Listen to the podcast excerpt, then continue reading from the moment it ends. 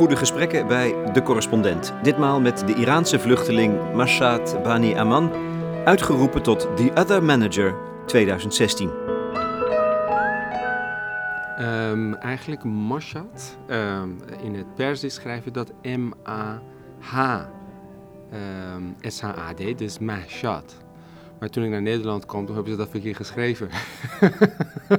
dus vandaar uh, worden dan Mashat geschreven. Want die vreemdelingenpolitie die kon het niet goed schrijven. Dus dan Mashat is Mashat geworden. Dus wat betekent dat? Eigenlijk niks. Het is een, uh, wat, oh, dat, is ook, dat, is ook, symbolisch? Dat is ook symbolisch inderdaad. Een nieuwe identiteit. Uh, zowel voor mijn voornaam als mijn achternaam. Mijn achternaam is Aman in het echt. Ja. Dat betekent dus een I en een A. Er zit er een A en nu zit er een spatie tussen. En later heb ik een streep van gemaakt. Zodat mensen snappen van dat is één achternaam. Anders denken ze van dat zijn twee achternamen En eindig het met een M, dit is mijn echte achternaam, maar hier wordt het als N geschreven. Dus uh, bij aankomst in, uh, in Nederland heb ik een volledig nieuwe voornaam en een achternaam uh, cadeau gekregen. ik ben ooit één keer naar Iran geweest in 2005 en dat vond ik wel spannend, omdat mijn Nederlandse paspoort had een andere naam dan mijn Iraanse paspoort. Dus Nechshat Ben Haman wordt Mashat Bani Aman op de grens van winst en verlies. Wij zitten op de 17e etage van een kantoorkolos op de Zuidas in Amsterdam. Marsat is senior manager bij een grote consultant. Hij staat op de nominatie om partner te worden. Dit is iemand die een weg heeft afgelegd. Maar voor we daarop ingaan, nog even één ding. Wat betekende zijn oorspronkelijke naam eigenlijk? Uh, gelukkige maan. Nou, dat is, uh, ik weet niet hoe mijn ouders daar, uh, daarop zijn gekomen. Maar uh, ik heb één keer nog iemand tegengekomen met dezelfde naam. En dat was een meisje trouwens, geen jongen. en, dus het is ook een vrij bijzondere naam, ook voor Iraniërs, uh, Mashat. Ja, nou ja, die draag je ook toch nog wel een beetje bij je, denk ja, ik. Zeker, zeker. Altijd positief in het leven staan. Ja. Elke dag je best doen en altijd zoeken naar mogelijkheden en positiviteit. Dat geloof ik in. Want daar, uh, mijn inziens als individu, kan ik het maximaal uit mezelf halen. Als ik uh, zie dat het glas half vol is en niet half leeg. Maar ook als uh, um, leider, zeg maar, in het bedrijfsleven en bij mijn team, of binnen Accenture of daarbuiten. Als ik dan teams leid, um, dat ik ook die energie uitstraal. En, en dat krijg ik ook terug. Heel veel mensen willen graag met mij eh, werken of in mijn team uh, met mij samenwerken, omdat zij die energie voelen. En dan voelen ze dat, uh, dat ze ook verder kunnen komen, dat er heel veel mogelijkheden in het leven zijn dan onmogelijkheden. Dus onmogelijkheden creëren wij als mensen voor onszelf. Dus daar geloof ik dan heilig in. Ja.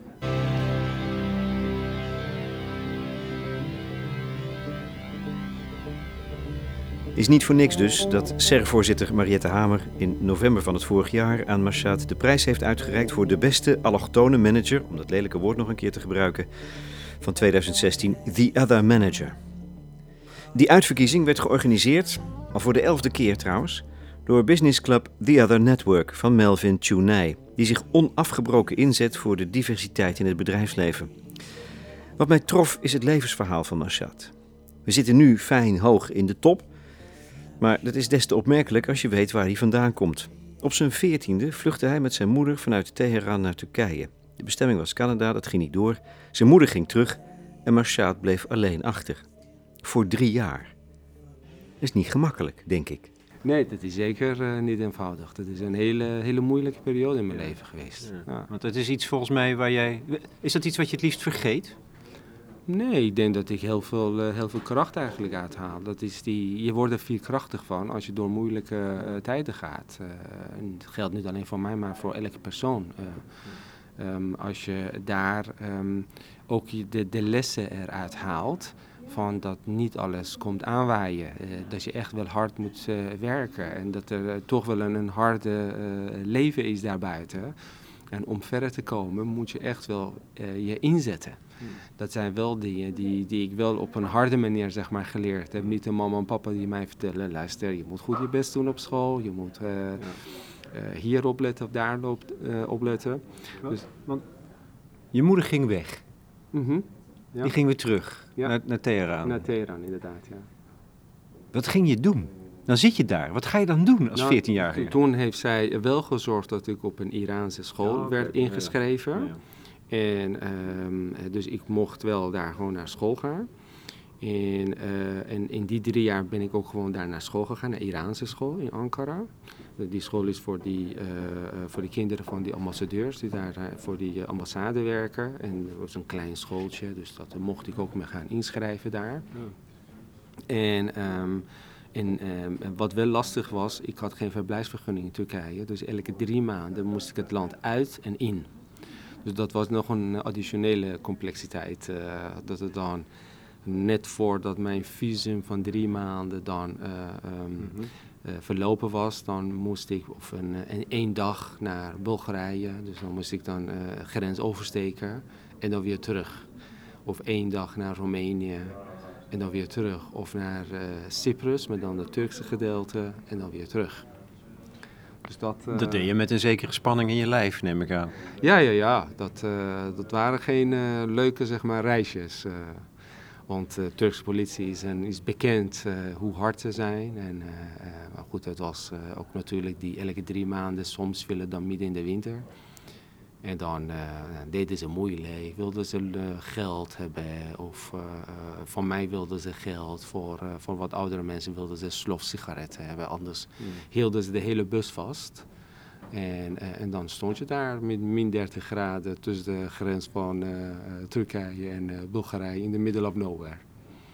Dus dan nou, stonden we daar een paar uur en dan moest iedereen wat overhandigen aan de politie en dan mochten we door. Wat ben jij voor iemand? nee, ja. veel meegemaakt. Dat is wat ik kan zeggen. ja. Hoe, hoe kan het dat je dat dus gewoon kon, deed? goed deed? Want je hebt het drie jaar lang op die manier gedaan. Ja, volgehouden. Um, ik denk dat uh, uh, in principe iedereen dat kan. Want dat is een overleving. Uh, elke persoon is op een gegeven moment ga je dan in een overlevingsmodus. En, hoe ziet die eruit? Wat betekent dat? Dan op dat moment het enige wat telt is als je dan de dagen doorkomt.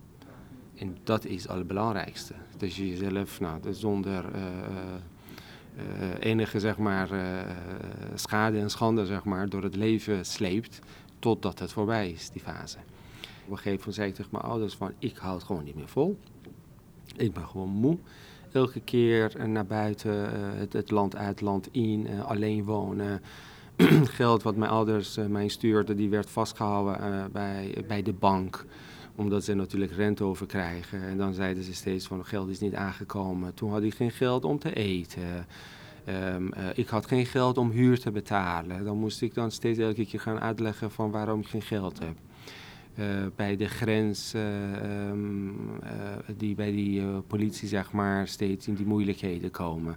Als ik dan te laat was, soms is het, dan moest ik dan op school tentamens doen. Dan kon, kon ik niet binnen de drie maanden weg moest ik dan later, en dan moest je dan daar wat uh, boete voor betalen. Dat je dan niet alleen de boete betaalt, maar ook een paar klappen zeg maar, uh, krijgt de, aan, de, aan de grens, zeg maar. Maar goed, die Turkse politie, die, die, ja, die zijn wat loshandig, zeg maar. Ja, maar doe je nou er nu te makkelijk over? Heb je hard, harde klappen gekregen? Mm -hmm. Schoppen en, en klappen, waarom ik te laat ben. En dat was voor mij ook na drie jaar van uh, klaar, op, uh, ik kan het niet meer. En toen zeiden mijn ouders van oké, okay, uh, dan kan je net terugkomen, maar je weet het wel, we, dan moet je wel naar, naar militaire diensten moet je dan gaan volgen. En, en toen um, hebben wij op het laatste moment dan toch gekozen om mij naar Canada te sturen toen. Nou, de valse paspoorten, uh, de mensen hebben betaald, uh, tickets enzovoort. Toen zou ik dan vanuit Izmir naar uh, Toronto vliegen. En daar dan asiel aanvragen. En, en daar is het ook helaas misgegaan. Want bij de grens in Izmir werd ik gepakt. Daar ook weer drie maanden vastgezeten. Oh, in de gevangenis gezeten? In de gevangenis van Izmir. Omdat ik met valse paspoort wilde ik het land uit. Um, met heel veel moeite eruit gehaald door mijn ouders en die smokkelaar. Um, rechter uh, omgekocht, ondergedoken. Ja, ja, echt. Het is echt zo gebeurd. De rechter is omgekocht uh, om mij vrij te laten. op een waarborgsom. En toen ben ik dan ondergedoken in Istanbul. En hoe, wacht even, hoeveel kostte dat? Ik, ik denk dat het is voor een paar honderd okay. gulden, nou laten we zeggen 200, 300 euro in die tijd. In, in de dollars dan moet je denken, misschien 500 dollar was het toen de tijd. nou, daar heb je hulp gehad, hulp gehad van een smokkelaar. Ja, Terwijl wij denken, dat, is, dat, is, dat zijn de ergste bandieten die er zijn op het ja, ogenblik, toch? Ja. kijk, die man, uh, kijk, dat in een Iraanse, maar goed, Midden-Oosten, um, uh, artsen hebben een bepaald aanzien. En mijn vader is een arts. Dus dan, die, die man zei van ja, u bent een, een, arts en, u zet zich zo in voor nou, mensen gezond te maken enzovoort. Dus die voelde zich eigenlijk schuldig dat een zoon van een arts komt van vast te zitten. Dus vanuit dat stukje nou, cultuur, loyaliteit aan cultuur, zeg maar. Heeft hij zich wel ingezet om politie en rechter om te kopen. Wat volgt is een nieuwe poging om te vluchten naar Canada via Nederland een van die politiemensen die was omgekocht, waar die, die de paspoortcontrole was. Toen zei uh, die smokkelaar, je moet daar in de rij gaan staan. Vervolgens, uh, maar ik durfde het niet echt, want ik was erg zenuwachtig. Uh, ik begin in de rij staan en dan weer uit de rij, mm. want er waren andere polities die heen en weer liepen. Dus ik dacht, als ik gepakt word, dan, dan, dan ben ik echt geweest. Ja. Uh, want dan zal je gedeporteerd worden en bij deportatie uh, naar Iran, uh, dan zal je geëxecuteerd worden aan de grens. Omdat je dan een, een, deserteur bent, als ik het goed zeg. Dat zijn mensen die dan tijdens een oorlog het land verlaten. Dus ik was erg zenuwachtig. Op een gegeven moment, toen dacht ik van nu ga ik echt mijn vlucht missen. Ik moet, moet nu echt in de rij en dan langs nou, in de rij, langs uh, de douane, die man uh, die had die uh, nummer van een paspoort al bij zich. Die checkte, die zegt gelijk gaan. En ik liep eigenlijk richting de gate. En toen werd ik ineens aangehouden door een, um, door een politie in burgerkleding. Die had jou zien drentelen. Ja, die volgens mij, goed, dat straal je uit dan. Bepaalde onzekerheid. En, en, en uh, die, die zei van, uh, laat je paspoort zien, waar ga je naartoe? Uh, met enige twijfel heb ik mijn paspoort gegeven. toen keek ik naar de paspoort, toen zei hij van, het is vals. Ik zei, nee, het is niet vals. Toen zei hij, ja, het is vals. Dan zakte je niet door de grond? Dan? Ja, ja. Ik, ik dacht van, ik ben er geweest. Ik dacht echt letterlijk van, dat is het einde van mijn leven. Hier eindigt het. ja. Nou, op dat moment uh, denk ik van ja, wan, wan, uh, wanhoop eigenlijk. Dat is het enige wat door mijn hoofd uh, ging. Mm. En in, in, op dat moment, dat duurde misschien echt enkele seconden, misschien tien seconden. In, in, die van hij zei van het is vals, ik zeg nee, het is niet vals. En, en nu komt het zeg maar het moment. ineens een, een, een, een, dame met KLM-kleding die, liep, eh, die uh, keek om zich heen. Ik zag haar. En ineens keek ze mij aan op dat moment. En ze liep recht op ons af. En toen keek ze ons allebei aan. Toen uh, zei ze tegen mij van, uh, what's your name? En toen heb ik een naam gegeven dat op die vaste paspoort stond. Ik weet niet wat het was. En toen zei ze van, ah, you are delaying the flight. En ze keek naar die man. Die zei van, en toen zei ze tegen hem van, What, what's the problem? En, die man, die over, dat overviel hem. Want er was een, lange blonde dame in een hele mooie blauwe KLM-pak. En ik en die andere man, wij allebei wat klein, zeg maar. We keken omhoog en, uh, en die man was een beetje twijfelend aan het kijken. En, en, en, die vrouw die twijfelde eigenlijk niet. Die, die zag mijn paspoort in zijn handen en die pakte het vast. En die, die trok een klein beetje aan mijn paspoort van geef het, want we moeten gaan. En die man met wat twijfel liet los. En die vrouw die pakte letterlijk mijn hand en die zei, come with me.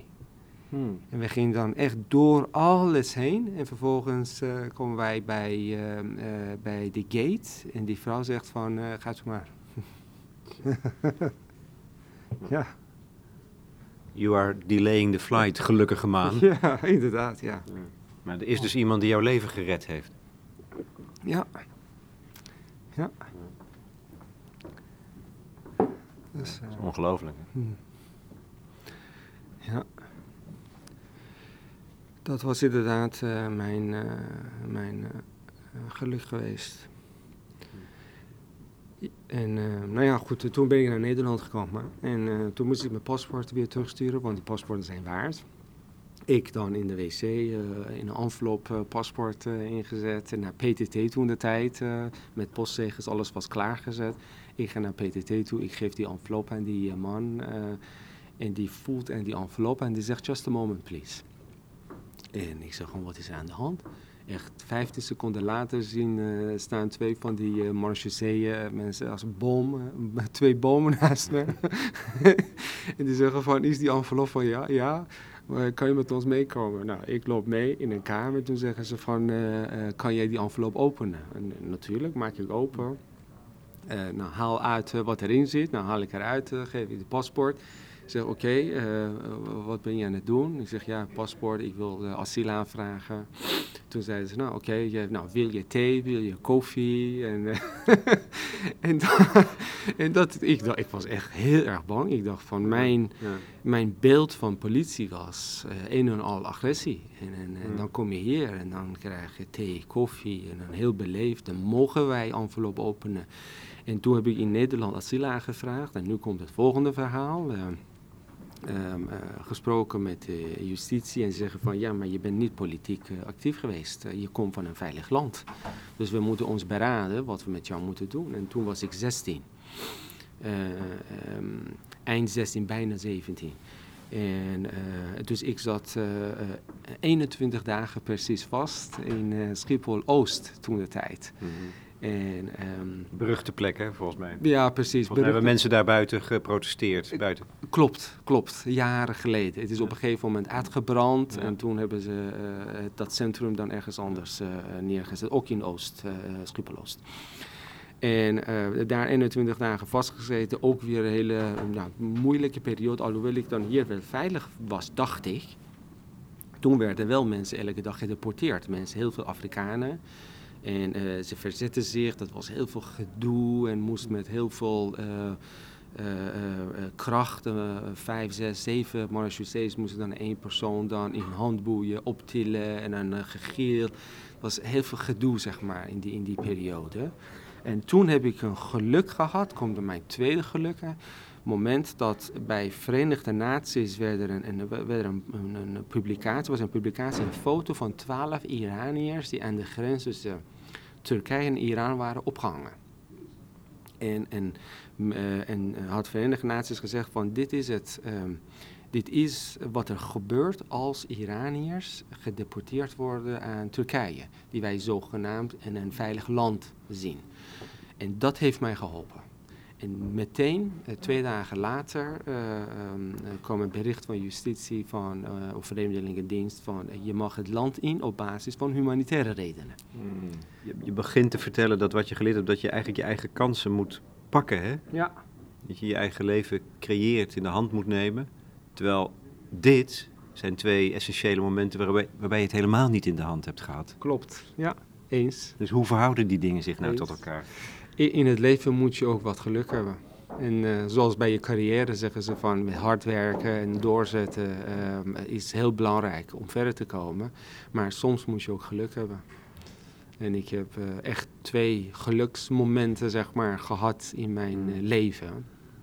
In momenten waar ik dan echt geholpen ben door een hogere macht, denk ik die mij net over de streep heeft getrokken van uh, je mag uh, nog wat langer zeg maar uh, leven. En, is, is, die, is die hoge, hogere macht er ook? Of is dat een metafoor? Ja, het is meer voor mij metaforisch. Omdat het zo onhandig is om, om niks, te, niks ja, te hebben. inderdaad. Ja, soms zijn er mirakels. Ja, ik zie dat als een soort mirakel. Het is toch wel een moment geweest waar je niet verwacht dat zoiets gaat gebeuren. Ik had nooit gedacht dat iemand, een, een, een, eh, een KLM-dame, ineens hmm. op dat fractie van seconde, oog in oog, en zij, het was een soort aantrekkingskracht. Van, um, ik moet bij die twee mensen zijn. je kunt in het geval van de KLM-stewardess kun je ook zeggen, dat is nou typisch het moment waarop iemand, een mens, ja. iets doet.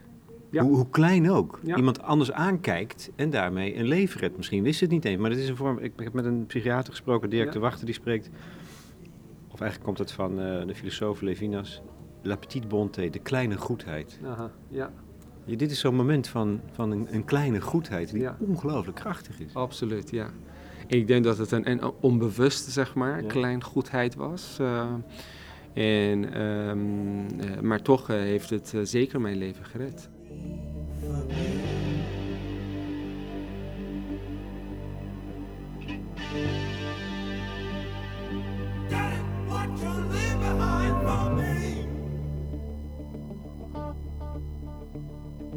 Um, ik denk als je in, een, uh, in, in zo'n situatie zit, dat je op dat moment je eigenlijk niet echt realiseert wat het je overkomt. Je, je realiseert je op het moment dat het achter de rug is. Ik noem het altijd als een soort boomerang. Je gooit het en je realiseert niet dat het ooit terug gaat komen. en, dat was het ook zo. Ik bedoel, de drie jaar in Turkije, dat waren wel hele zware tijden. Plus nou, de vlucht uh, daarvoor, daarna naar Nederland. Maar zwaar vanwege de eenzaamheid, denk ik? In uh, het, uh, het, was omdat ik heel veel, ja, zoals je zei, eh, op mezelf aangewezen was. Op een, een jonge leeftijd zo exposed was. blootgesteld werd aan toch hardheid van maatschappij. En, en, en, en dat gaat mij natuurlijk voor me. Dan denk ik van, hé, hey, de wereld is heel hard. En, en dat is niet um, um, bevorderend als je dan later uh, relaties wil aangaan.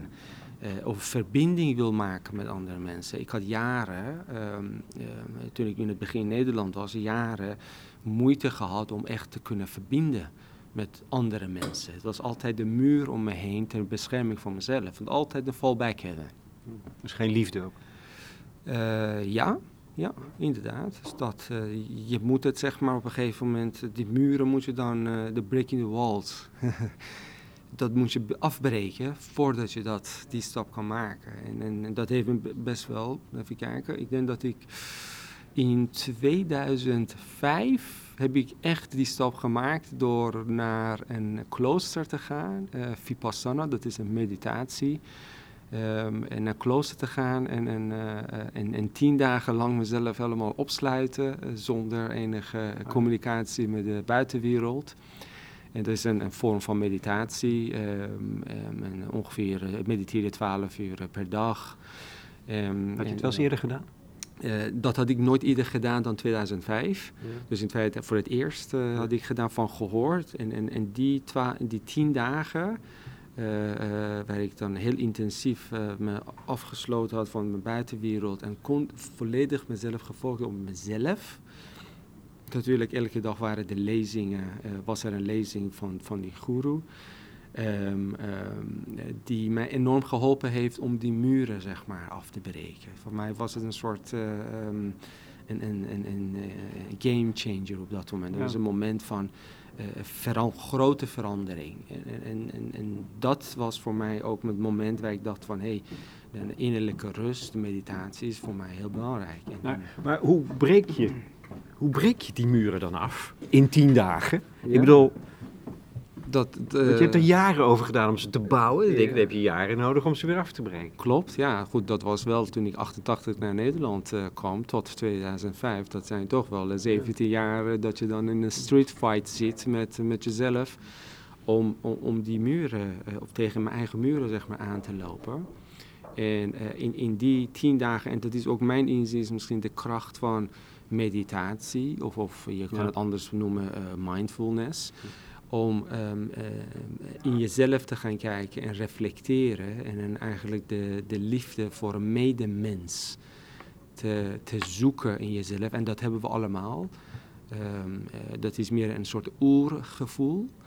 En vanuit die basis weer gaan bouwen.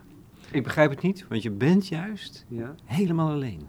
Eigenlijk. Klopt, klopt. Tien dagen lang in je eentje. De stilte, nee, is niet stilte dus. Volledige stilte, niemand praat ook uh, tegen je. En daar vind je dan de liefde voor de ander? Ja, door, um, uh, door eerst diep te gaan van... Op het moment dat je alleen bent, het eerste wat er gaat gebeuren is... je hoofd zit vol met allerlei dingen. Dan, dan komen allerlei dingen door je hoofd. Heel veel onrust. En, en dat ga je in de eerste drie, vier dagen een ontzettend veel onrust uh, voelen. Slecht slapen, nachtmerries. En daarna komt er een rust Want dan, je, je hoofd heeft alles al, die onrust is al achter de rug. Dan, dan kan je niet meer dan dat. Dan kom je in een rustmoment. En, en als je elke dag dan ook luistert naar, uh, naar basisdingen uh, van uh, de, de goeroes in, in India, zeg maar, zeggen. Uh, wees liefdevol voor elkaar. dood niet um, dieren. wees um, um, eerlijk uh, tegen elkaar. Nou, enzovoort. Dat zijn hele elementaire dingen die in alle religies of alle uh, boeddhisten zeg maar, als basis uh, tegenkomt. Als je dat continu hoort en dan ga je diep in jezelf en je gaat door die onrustfase, dan, dan sta je open. Dan sta je open om dit soort dingen tot jezelf te nemen. Mm. Internaliseren als het ware. En dan ga je bouwen in, in die tweede helft, zeg maar. In, de tweede helft van die tien dagen. En dan ga je bouwen. En dan, als je dan na die tien dagen naar buiten loopt, dan denk je van wauw, wat een transformatie. En, uh, en, dat heb ik en, en toen stond er een prachtige blonde stewardess voor de deur. En toen werd je, toen werd je verliefd. nee, helaas niet deze keer. toen uh, ben ik, heb, ik, heb ik gewoon de bus gepakt uh, en met de trein naar huis gegaan. Maar het was een hele mooie ervaring. maar het heeft je eh, wezenlijk veranderd weer. Absoluut. En daarna is weer een nieuw leven begonnen. Een nieuw leven inderdaad uh, begonnen. Maar dat heeft mij geleerd dat als mens zijnde, dat we uh, op vier dimensies elke persoon zich een goede balans zeg maar, moet vinden. Dus het is niet een weegschaal van twee, maar het is een weegschaal van vier. Uh, die is sowieso fysiek jezelf goed en gezond houden. Wat wij allemaal zeggen, ga naar sportschool of uh, sport mhm. doen sociale en, en, en vrienden en, eh, en, een familie. Dus daar, uh, daar een goede basis hebt, dat je, niet dat je een goede band hebt met je familie en je vrienden. Je je altijd blijft ontwikkelen, dus dat is dan meer het stukje intellectuele kant. En als vierde een stukje spirituele kant. Of je dat met meditatie doet, of je dat met mindfulness. Um, en doe uh, hoe je dat het beste zeg maar, bij je als individu past. Maar voor, voor mij persoonlijk is deze vier schalen op een nou, vierdimensionale zeg maar, schalen die, uh, die mij helpen om, om continu de balans te vinden in het leven.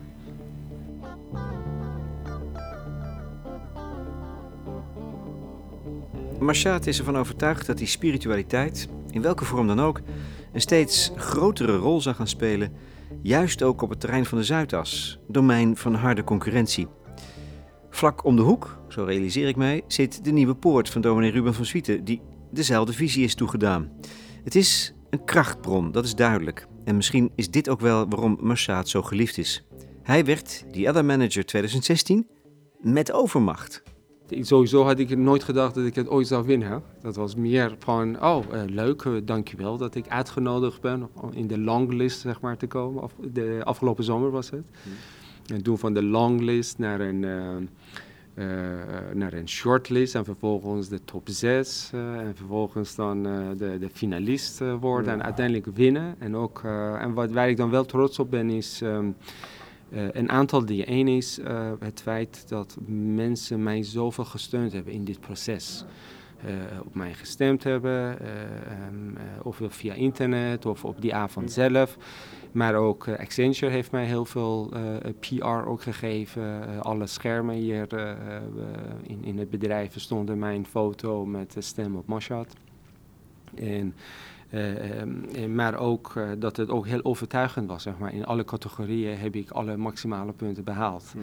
En, en uh, volgens die other network, eigenaar of directeur, die zei van dat is van afgelopen elf jaar ons nooit iets ervoor gekomen dat iemand in alle categorieën maximale punten gaat behaald heeft. Dus daar ben ik wel trots op. Maar dat zegt ook iets over um, de kansen dat je dan hier in Nederland krijgt.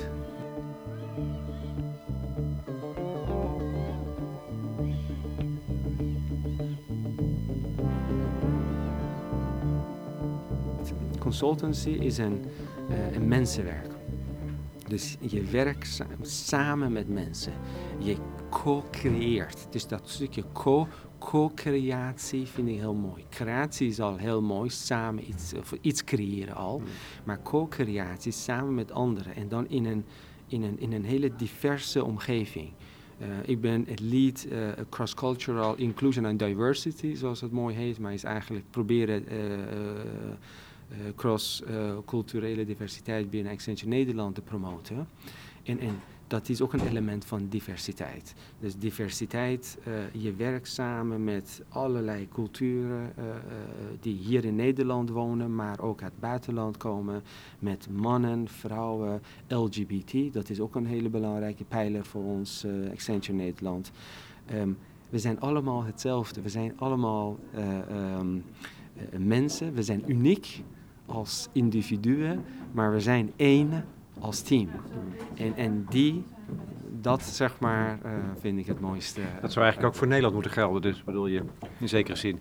Absoluut, absoluut. Allemaal anders ook. Ja, want ik, ik heb denk de laatste tijd juist dat wij, want jij bent dus ook, dat is het laatste onderwerp, ja.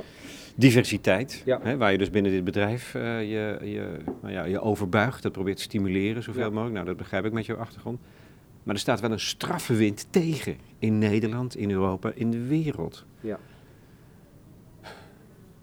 Gaat het je lukken?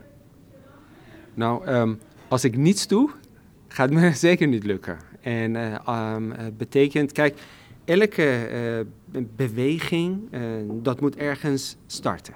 En ik ben niet de enige gelukkig. Er zijn veel meer mensen die zich inzetten voor diversiteit. Diversiteit in, in, in, in een bredere zin. Hè? Mannen, vrouwen. Dus in het bedrijfsleven zit dat heel veel zich ingezet wordt van mannen en vrouwen gelijkheid. Dat er zoveel mogelijk doorstroom is vrouwen. LGBT, dat we daar absoluut geen onderscheid maken voor uh, seksuele geaardheid van mensen. Maar ook culturele. En als je als je daar jezelf voor inzet, voor, nou, voor mij dan specifiek voor die uh, culturele uh, diversiteit, dan kom je allerlei an, andere mensen tegen in andere bedrijven, uh, bedrijven die zich ook inzetten. En dan zie je dat elke klein beetje zeg maar helpt. Hmm. En, en uh, je, uh, ik zit nu tegenover jou en, en, en, en dit komt op internet. En mensen gaan naar luisteren. Dan denk ik van, oh nou, het, um, wij kunnen ons ook daar hierin vinden. Elk klein beetje helpt om uiteindelijk Nederland en, en, en, en verder te kunnen helpen. En ik denk dat het mijn verantwoordelijkheid is nu om uh, mijn verhaal te vertellen, maar ook mezelf in te zetten voor een, voor een beter Nederland. Toen ik in Nederland kwam, heeft Nederland goed voor mij gezorgd. En nu is het mijn uh, uh, verantwoordelijkheid om iets terug te geven. Kijk, de polarisatie, ongeacht of je een moslim zeg maar, in een hoek zet, of, of zoals Tweede Wereldoorlog de Joden in een hoek werden gezet, of begin van christendom, hoe christenen werden achtervolgd. Kijk maar naar geschiedenis. Uh, uh, dat, is, uh, dat werkt juist afrechts. Um, en, en ik denk eerlijk gezegd, misschien is het een beweging die uiteindelijk uh, uh, diversiteit ten goede gaat komen. Je moet misschien een, een, een, een contrabeweging maken, zodat je ziet dat juist polarisatie leidt tot veel meer um, spanningen, veel meer um, uh, ja, groeperingen waardoor we eigenlijk als samenleving uit elkaar vallen. Misschien moeten mensen dat ervaren. Kijk naar de Tweede Wereldoorlog. Om te zeggen van, te, en te denken van, nou het maakt niet uit waar je vandaan komt of wat je uh, religieuze achtergrond is, we zijn één. Ja. Je kan beter samenbouwen, co-creëren. ja, soms moet je dingen afbreken om nieuwe dingen uh, op te bouwen. En, en wellicht is het uh, de fase van uh, nu juist uit elkaar gaan om later goed bij elkaar te komen. En, en, en daarom is het belangrijk juist, nu is een belangrijk moment om wij met zijn alle mensen die daarin geloven, blijven roepen hoe belangrijk het is om in een diverse samenleving te leven, zodat we tenminste niet helemaal 100% gaan doorschieten. Hoe lang duurt het nog voordat jij hier partner bent? ik zou het niet weten, had ik maar een uh, glazen bol. Uh, maar ik hoop dat het dan binnen nu en een jaar gaat gebeuren. Hoop ik. ik kan het me levendig voorstellen. Er zijn twee dingen die ik nu begrijp. Ik begrijp, uh, Mashad,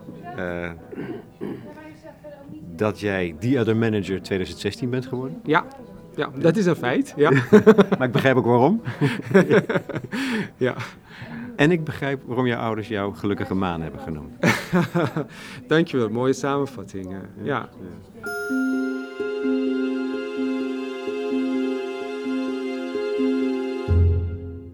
Mashat Bani Aman, alias Mehshat Ben Hammam, in gesprek met Lex Bolmeijer voor de correspondent.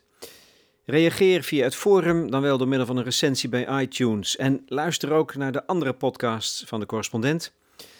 Zoals in de serie En Nu Luisteren, waar het met Jasmine gaat over de zelfontplooiing van middelbare scholieren. Nou, dat sluit mooi bij dit gesprek met Mashaad aan. En in de Rudy en Freddy show is collega Sanne Blauw te gast. Die is briljant met cijfertjes. Dus...